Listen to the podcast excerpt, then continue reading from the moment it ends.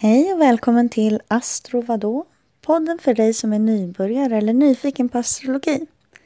Jag heter Amy och eh, i det här avsnittet så ska jag prata om zodiakens sjätte tecken, Jungfrun.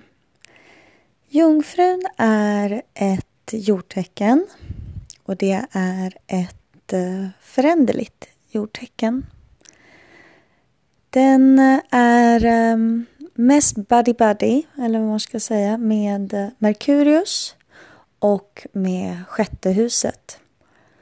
Jungfrun är då en av de här två tecknena som är mest eh, bundna med Merkurius. Den andra är ju tvillingen. Eh, skillnaden är att tvilling är ett lufttecken och eh, jungfrun är ett jordtecken. Ehm, så Merkurius är det som är mest hemma i jungfrun.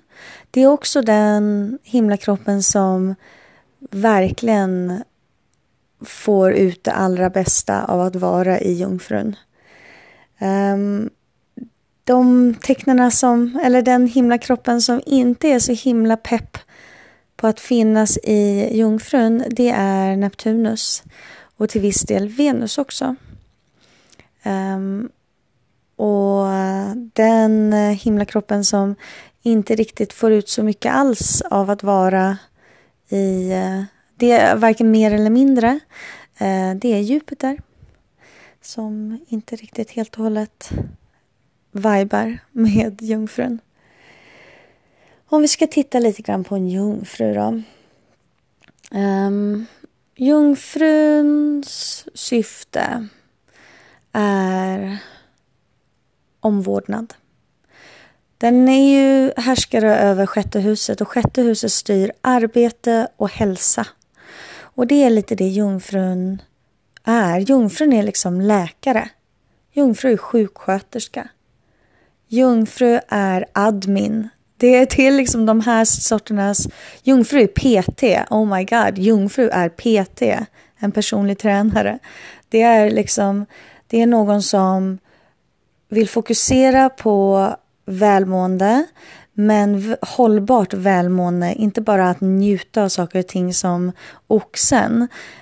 Um, utan det här är, det här är någon som verkligen är ute efter att, um, ja, att sätta in arbetet för att skapa hållbarhet och välmående. Um, den här viljan att få till saker för att det ska liksom bli så bra som möjligt kan ibland leda till um, petighet, uh, perfektionism, um, uh, väldigt rigida tankar om hur saker och ting ska göras. Um, det finns lite, lite så här hårda stereotyper kring jungfrun, att de, de är de är väldigt låsta och kan tycka att alla andra har fel för att de gör sitt sätt, alltså det sättet som de gör är, är, eh, måste vara rätt. Och till viss del, ja, alltså jungfrun kan inte hjälpa att den sitter på svaren på allting.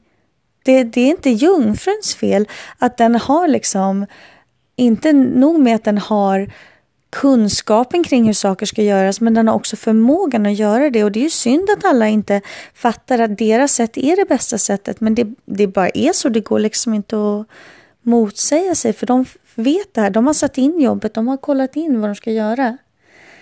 Men jag vet att jag pratar mycket om så jobb, jobb, jobb för att det, det är rätt så stereotypt kring jungfrur men de har också den här ähm, förmågan att gå in i att saker ska göras på visst sätt och, och det kan ibland leda till en känsla av att bli lite överväldigad av att av allting som måste göras och det leder till att inte så mycket görs alls.